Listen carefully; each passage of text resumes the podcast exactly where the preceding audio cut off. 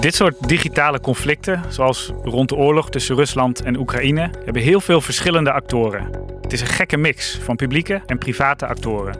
Een overheid kan het simpelweg niet meer alleen. Als Microsoft hebben we bijvoorbeeld de technische skills en de wereldwijde inzichten om de overheid te ondersteunen, maar niet altijd de juridische bevoegdheden. En zo sta je als private onderneming ineens schouder aan schouder met overheden in een oorlog. Dit is Enter, de podcast van het NCSC, het Nationaal Cybersecurity Centrum. In Enter ontrafelen we in vijf korte afleveringen één specifieke cybercrisis.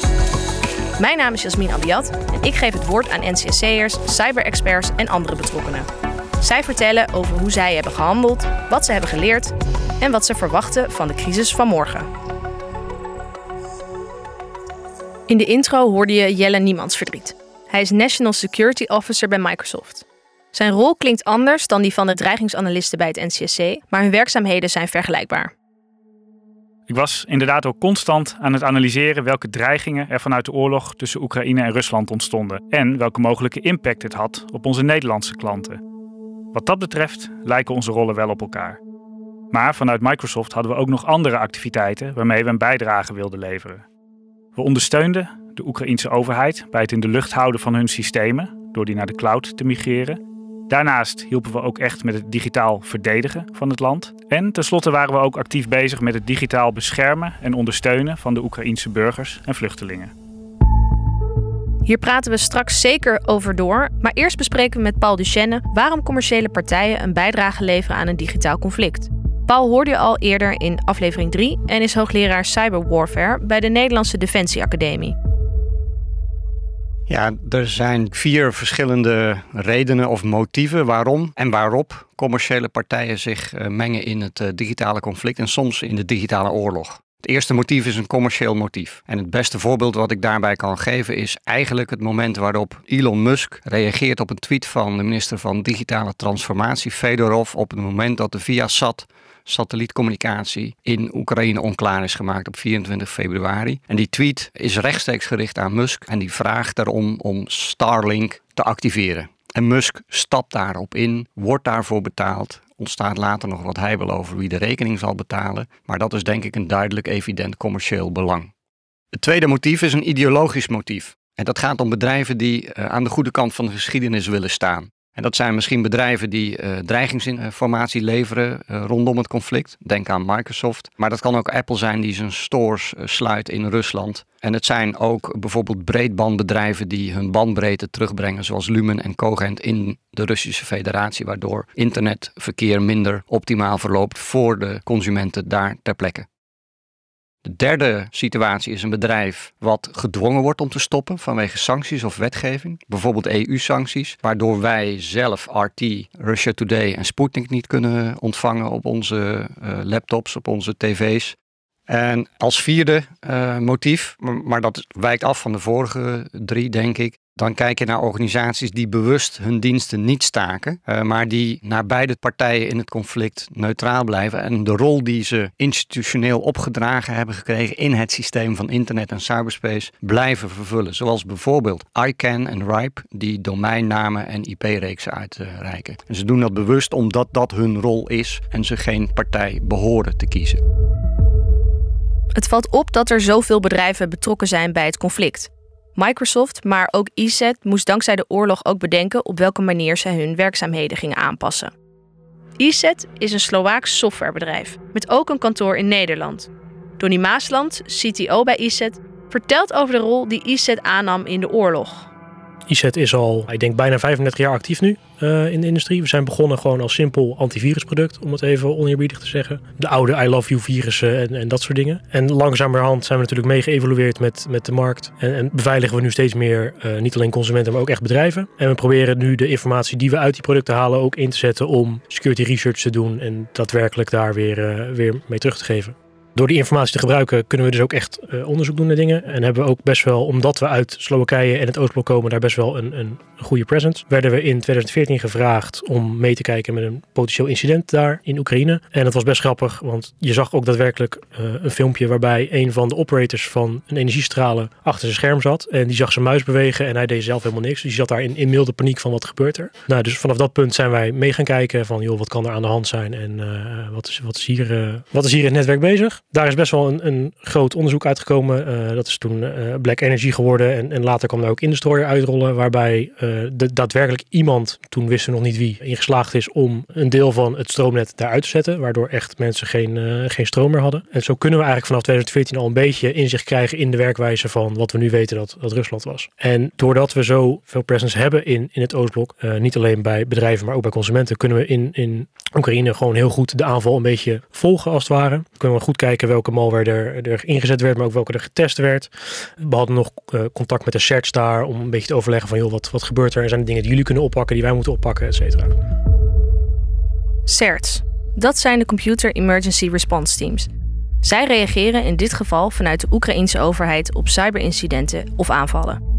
Ja, daardoor waren we eigenlijk al, al vrij vroeg op de hoogte van, van de risico's en ook waar de Russen een beetje heen wilden met die, uh, met die malware. En naast de onderzoeken die we zelf deden op, op de telemetrie die we kregen, hebben we ook heel veel informatie gekregen en gedeeld met, met andere partners in, uh, in de industrie. Om zo een beetje te kijken wat zij uit hun onderzoeken haalden, maar ook wat wij weer terug konden geven als, uh, als informatie. Zo hebben we bijvoorbeeld om de aanval op een energiecentrale te stoppen best wel nauw samengewerkt met het CERT in Oekraïne, omdat zij daar weer de nodige connecties voor hadden en wij niet. En recent, uh, zeker vanaf het begin van de oorlog, hebben we steeds meer wat ze noemen wipers ook uh, onderzocht in Oekraïne. Die Rusland inzet om gewoon weer nog meer uh, chaos te veroorzaken.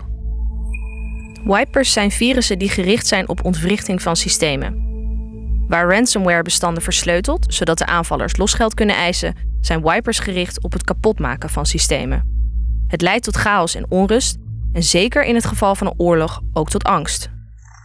We zien op dit moment twee dingen. Rusland pakt bestaande wipers en gebruikt ze gewoon opnieuw. Uh, een soort recycle-programma. Maar we zien ook dat ze nu nieuwe wipers aan het ontwikkelen zijn. Omdat ze meer uh, kennis en ervaring hebben over hoe de, hoe de oude het gedaan hebben. Uh, je ziet dat de oude echt wel in, in ouderwetse programmeertalen als het ware geschreven werden. Eh, die nieuwere wipers maken gebruik van wat nieuwere programmeertalen, zodat ze hem makkelijker kunnen aanpassen aan verschillende besturingssystemen en omgevingen. Dus naast het leveren van beveiligingssoftware is analyse en rapportage over de data die onze software genereert, wij noemen dat telemetrie, uh, is net zo belangrijk. We hadden al best wel een goed zicht op uh, wat er in, in het Oostblok gebeurde. Maar zeker nu vinden we dat we deze kennis en expertise echt in moeten zetten om, uh, om advies te kunnen geven op, op ja, het hoogste niveau eigenlijk.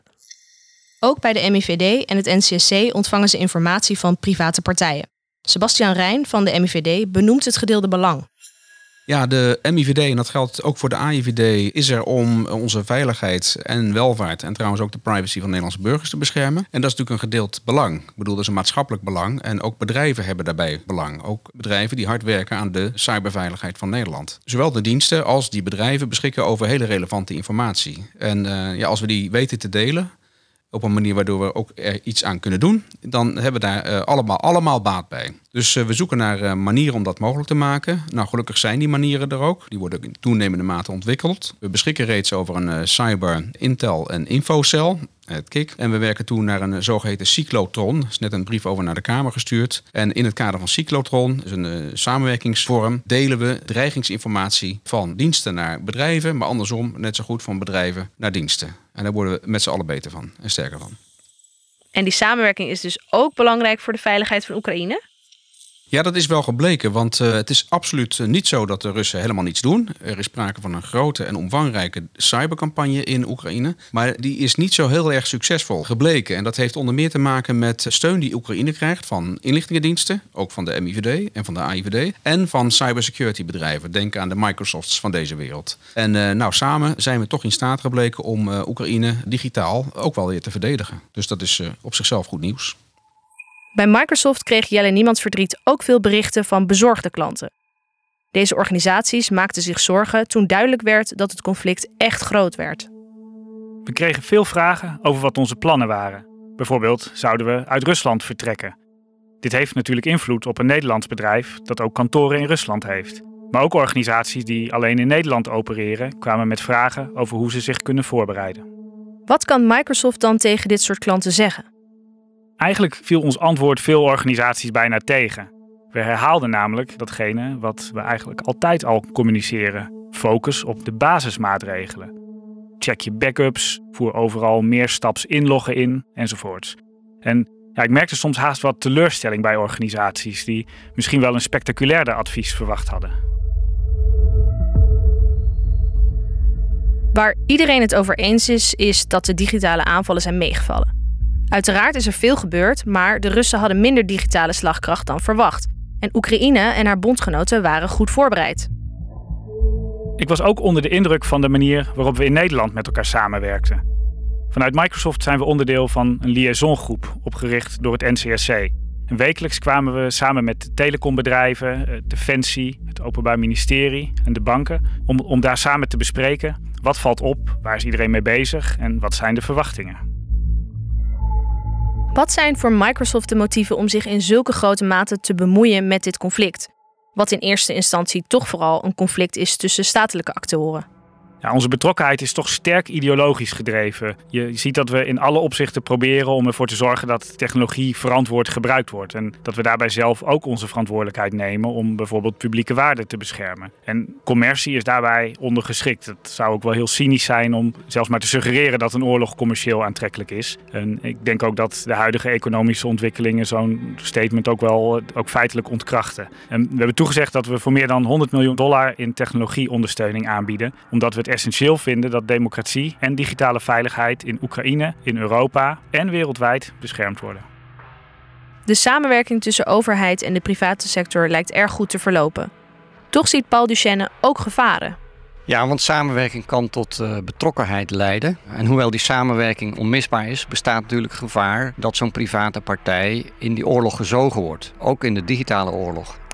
Dan moet je realiseren dat oorlog eigenlijk het domein, het exclusieve domein is van strijdkrachten. Waar burgers niet thuis horen en zelfs de staat een verplichting heeft om burgers daarvan te vrijwaren en te beschermen voor uh, betrokkenheid bij zo'n conflict. En die bedrijven die dus samenwerken, die lopen wel degelijk een risico om daar uh, ergens in de knel te komen te zitten met hun medewerkers of met hun organisatie. Waar ligt de grens dan? Ik kan me voorstellen dat dat erg moeilijk is om te bepalen. Ja, dat is ook moeilijk te bepalen. Want die samenwerking is onmisbaar. Aan de andere kant heb je als overheid ook de plicht om eh, die private partijen te beschermen en te zorgen dat ze die grens niet overgaan. Maar dat betekent wel dat je een soort van risico-inschatting moet maken. Uh, en dat is een, ja, dat is een, uh, een kwetsbaar punt. De samenwerking tussen de publieke en private sector werd goed duidelijk in juli 2022. Toen kreeg de topman van Microsoft, Brad Smith, zelfs een Peace Prize uit de handen van Zelensky, de president van Oekraïne. Het laat zien dat zowel vanuit de cyberwereld als vanuit de politieke en diplomatieke wereld het belang van samenwerking op dit gebied wordt gezien.